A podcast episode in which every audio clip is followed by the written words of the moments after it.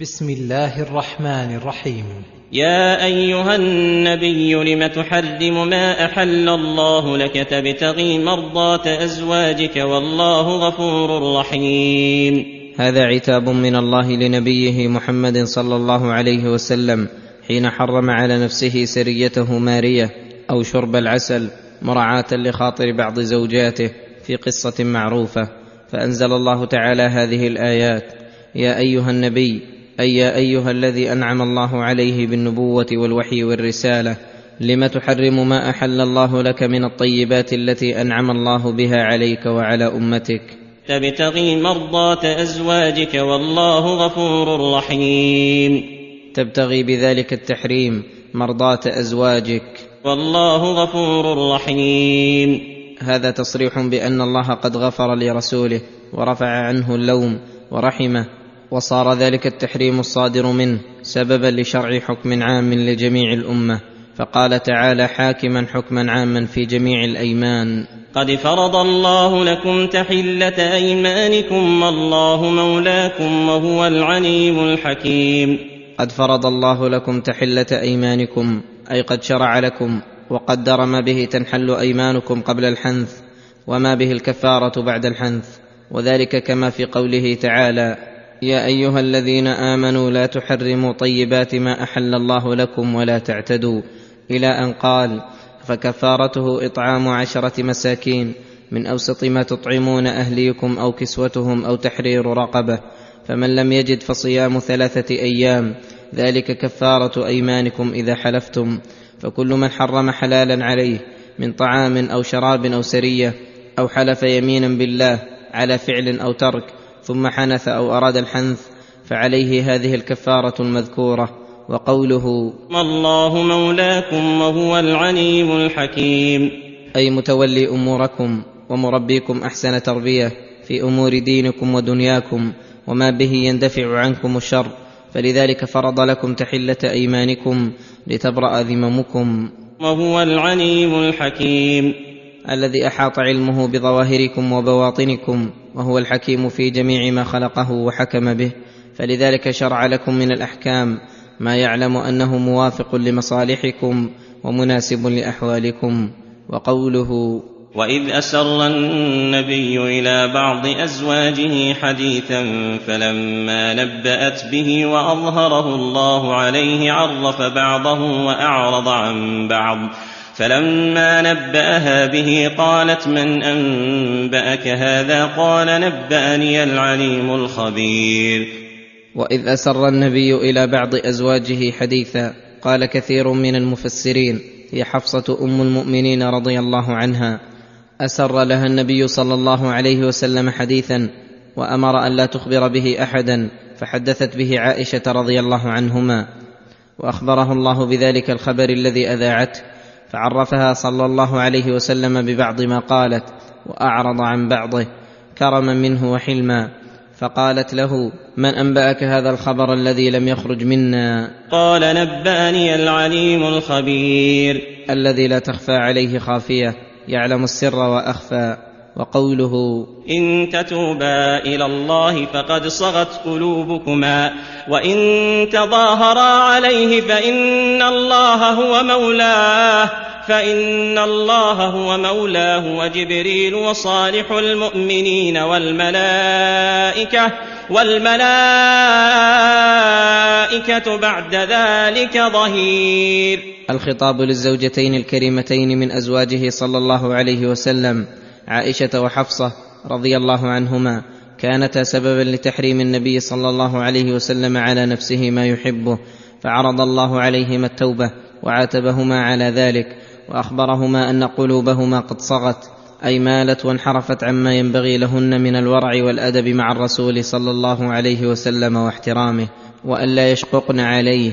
وإن تظاهرا عليه فإن الله هو مولاه. وإن تظاهر عليه أي تعاون على ما يشق عليه ويستمر هذا الأمر منكن فإن الله هو mولاه وجبريل وصالح المؤمنين والملائكة والملائكة بعد ذلك ظهير. أي الجميع أعوان للرسول مظاهرون. ومن كان هؤلاء أعوانه فهو المنصور وغيره ممن يناوئه مخذول. وفي هذا أكبر فضيلة وشرف لسيد المرسلين حيث جعل الباري نفسه الكريمة وخواص خلقه أعوانا لهذا الرسول الكريم وهذا فيه من التحذير للزوجتين الكريمتين ما لا يخفى ثم خوفهما أيضا بحالة تشق على النساء غاية المشقة وهو الطلاق الذي هو أكبر شيء عليهن فقال عسى ربه إن طلقكن أن يبدله أزواجا أزواجا خيرا منكن مسلمات مؤمنات مسلمات مؤمنات قانتات تائبات عابدات عابدات سائحات ثيبات وأبكارا. عسى ربه إن طلقكن أن يبدله أزواجا خيرا منكن أي فلا ترفعن عليه. فإنه لو طلقكن لم يضق عليه الأمر ولم يكن مضطرا إليكن فإنه سيلقى ويبدله الله أزواجا خيرا منكن دينا وجمالا. وهذا من باب التعليق الذي لم يوجد ولا يلزم وجوده. فإنه ما طلقهن ولو طلقهن لكان ما ذكره الله من هذه الأزواج الفاضلات الجامعات بين الإسلام وهو القيام بالشرائع الظاهرة والإيمان وهو القيام بالشرائع الباطنة. من العقائد وأعمال القلوب. قانتات تائبات عابدات. القنوت هو دوام الطاعة واستمرارها. تائبات عما يكرهه الله فوصفهن بالقيام بما يحبه الله والتوبة عما يكرهه الله. ثيبات وأبكارا. أي بعضهن ثيب وبعضهن أبكار ليتنوع صلى الله عليه وسلم فيما يحب. فلما سمعنا رضي الله عنهن هذا التخويف والتأديب بادرنا إلى رضا رسول الله صلى الله عليه وسلم فكان هذا الوصف منطبقا عليهن فصرن أفضل نساء المؤمنين. وفي هذا دليل على أن الله لا يختار لرسوله صلى الله عليه وسلم إلا أكمل الأحوال وأعلى الأمور. فلما اختار الله لرسوله بقاء نسائه المذكورات معه دل على أنهن خير النساء وأكملهن. يا أيها الذين آمنوا قوا أنفسكم وأهليكم نارا نارا وقودها الناس والحجارة عليها ملائكة غلاظ عليها ملائكة غلاظ شداد. لا يعصون الله ما أمرهم ويفعلون ما يؤمرون. أياما من الله عليهم بالإيمان قوموا بلوازمه وشروطه. قوا أنفسكم وأهليكم نارا. فقوا أنفسكم وأهليكم نارا موصوفة بهذه الأوصاف الفظيعة ووقاية الأنفس بإلزامها أمر الله والقيام بامره امتثالا. ونهيه اجتنابا والتوبة عما يسخط الله ويوجب العذاب ووقاية الأهل والأولاد بتأديبهم وتعليمهم وإجبارهم على أمر الله فلا يسلم العبد إلا إذا قام بما أمر الله به في نفسه وفيما يدخل تحت ولايته من الزوجات والأولاد وغيرهم ممن هو تحت ولايته وتصرفه ووصف الله النار بهذه الأوصاف ليزجر عباده عن التهاون بأمره فقال نارا وقودها الناس وقودها الناس والحجارة عليها ملائكة غلاظ. وقودها الناس والحجارة كما قال تعالى إنكم وما تعبدون من دون الله حصب جهنم أنتم لها واردون. عليها ملائكة غلاظ شداد. أي غليظة أخلاقهم عظيم انتهارهم يفزعون بأصواتهم ويخيفون بمرآهم ويهينون أصحاب النار بقوتهم ويمتثلون فيهم أمر الله الذي حتم عليهم العذاب وأوجب عليهم شدة العقاب. لا يعصون الله ما أمرهم ويفعلون ما يؤمرون. وهذا فيه أيضا مدح للملائكة الكرام وانقيادهم لأمر الله وطاعتهم له في كل ما أمرهم به. يا أيها الذين كفروا لا تعتذروا اليوم إنما تجزون ما كنتم تعملون. أي يوبخ أهل النار يوم القيامة بهذا التوبيخ فيقال لهم يا أيها الذين كفروا لا تعتذروا اليوم إنما تجزون ما كنتم تعملون. أي فإنه ذهب وقت الاعتذار وزال نفعه فلم يبق الآن إلا الجزاء على الأعمال وأنتم لم تقدموا إلا الكفر بالله والتكذيب بآياته ومحاربة رسله وأوليائه. يا أيها الذين آمنوا توبوا إلى الله توبوا إلى الله توبة نصوحا. عسى ربكم أن يكفر عنكم سيئاتكم. ويدخلكم جنات تجري من تحتها الأنهار يوم لا يخزي الله النبي والذين آمنوا معه. نورهم يسعى بين أيديهم وبأيمانهم يقولون ربنا أتمم لنا نورنا واغفر لنا إنك على كل شيء قدير. قد أمر الله بالتوبة النصوح في هذه الآية ووعد عليها بتكفير السيئات ودخول الجنات والفوز والفلاح حين يسعى المؤمنون يوم القيامة بنور إيمانهم ويمشون بضيائه ويتمتعون بروحه وراحته ويشفقون إذا طفأت الأنوار التي تعطى المنافقين. ويسألون الله أن يتمم لهم نورهم فيستجيب الله دعوتهم ويوصلهم ما معهم من النور واليقين إلى جنات النعيم وجوار الرب الكريم. وكل هذا من آثار التوبه النصوح والمراد بها التوبة العامة الشاملة للذنوب كلها التي عقدها العبد لله لا يريد بها إلا وجهه والقرب منه ويستمر عليها في جميع أحواله. يا أيها النبي جاهد الكفار والمنافقين واغلظ عليهم ومأواهم جهنم ومأواهم جهنم وبئس المصير.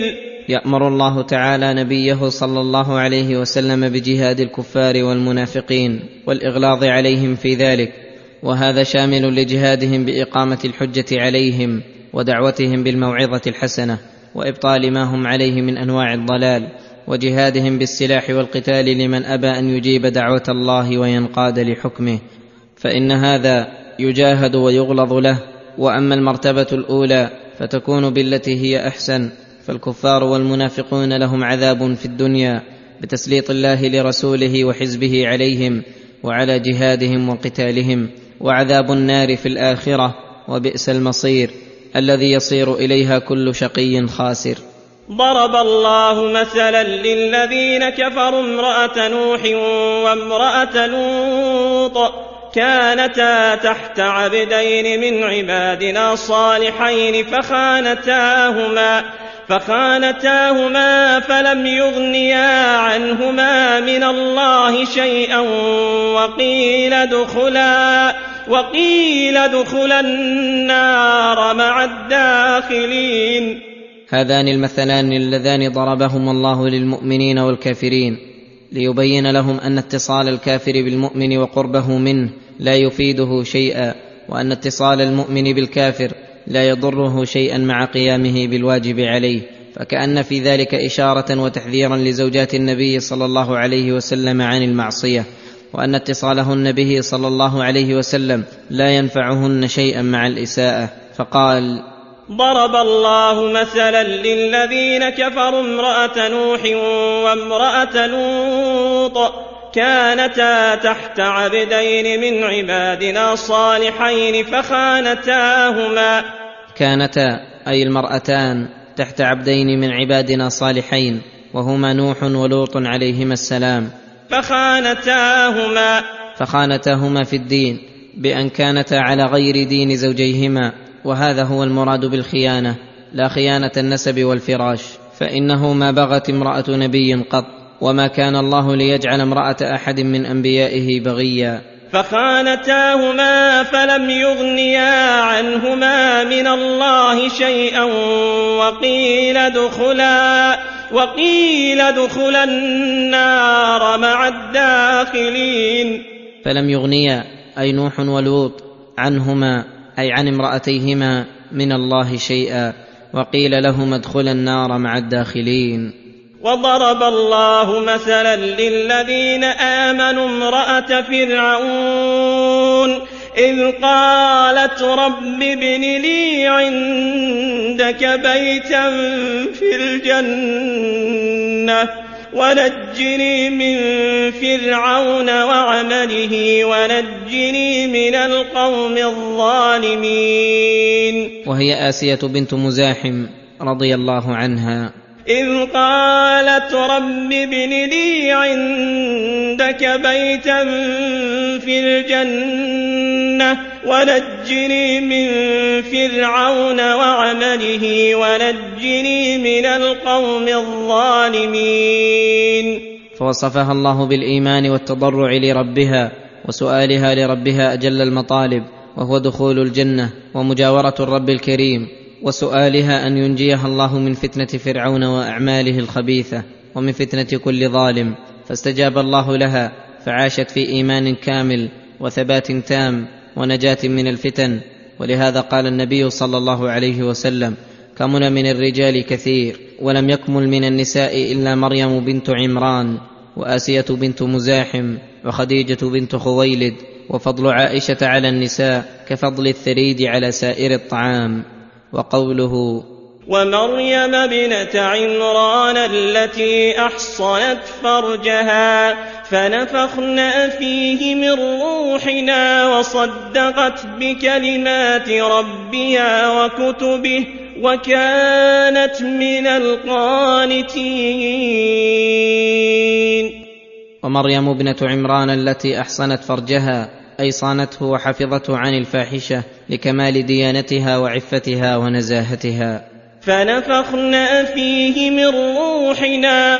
بأن نفخ جبريل عليه السلام في جيب درعها فوصلت نفخته إلى مريم فجاء منها عيسى بن مريم عليه السلام الرسول الكريم والسيد العظيم. وصدقت بكلمات ربها وكتبه.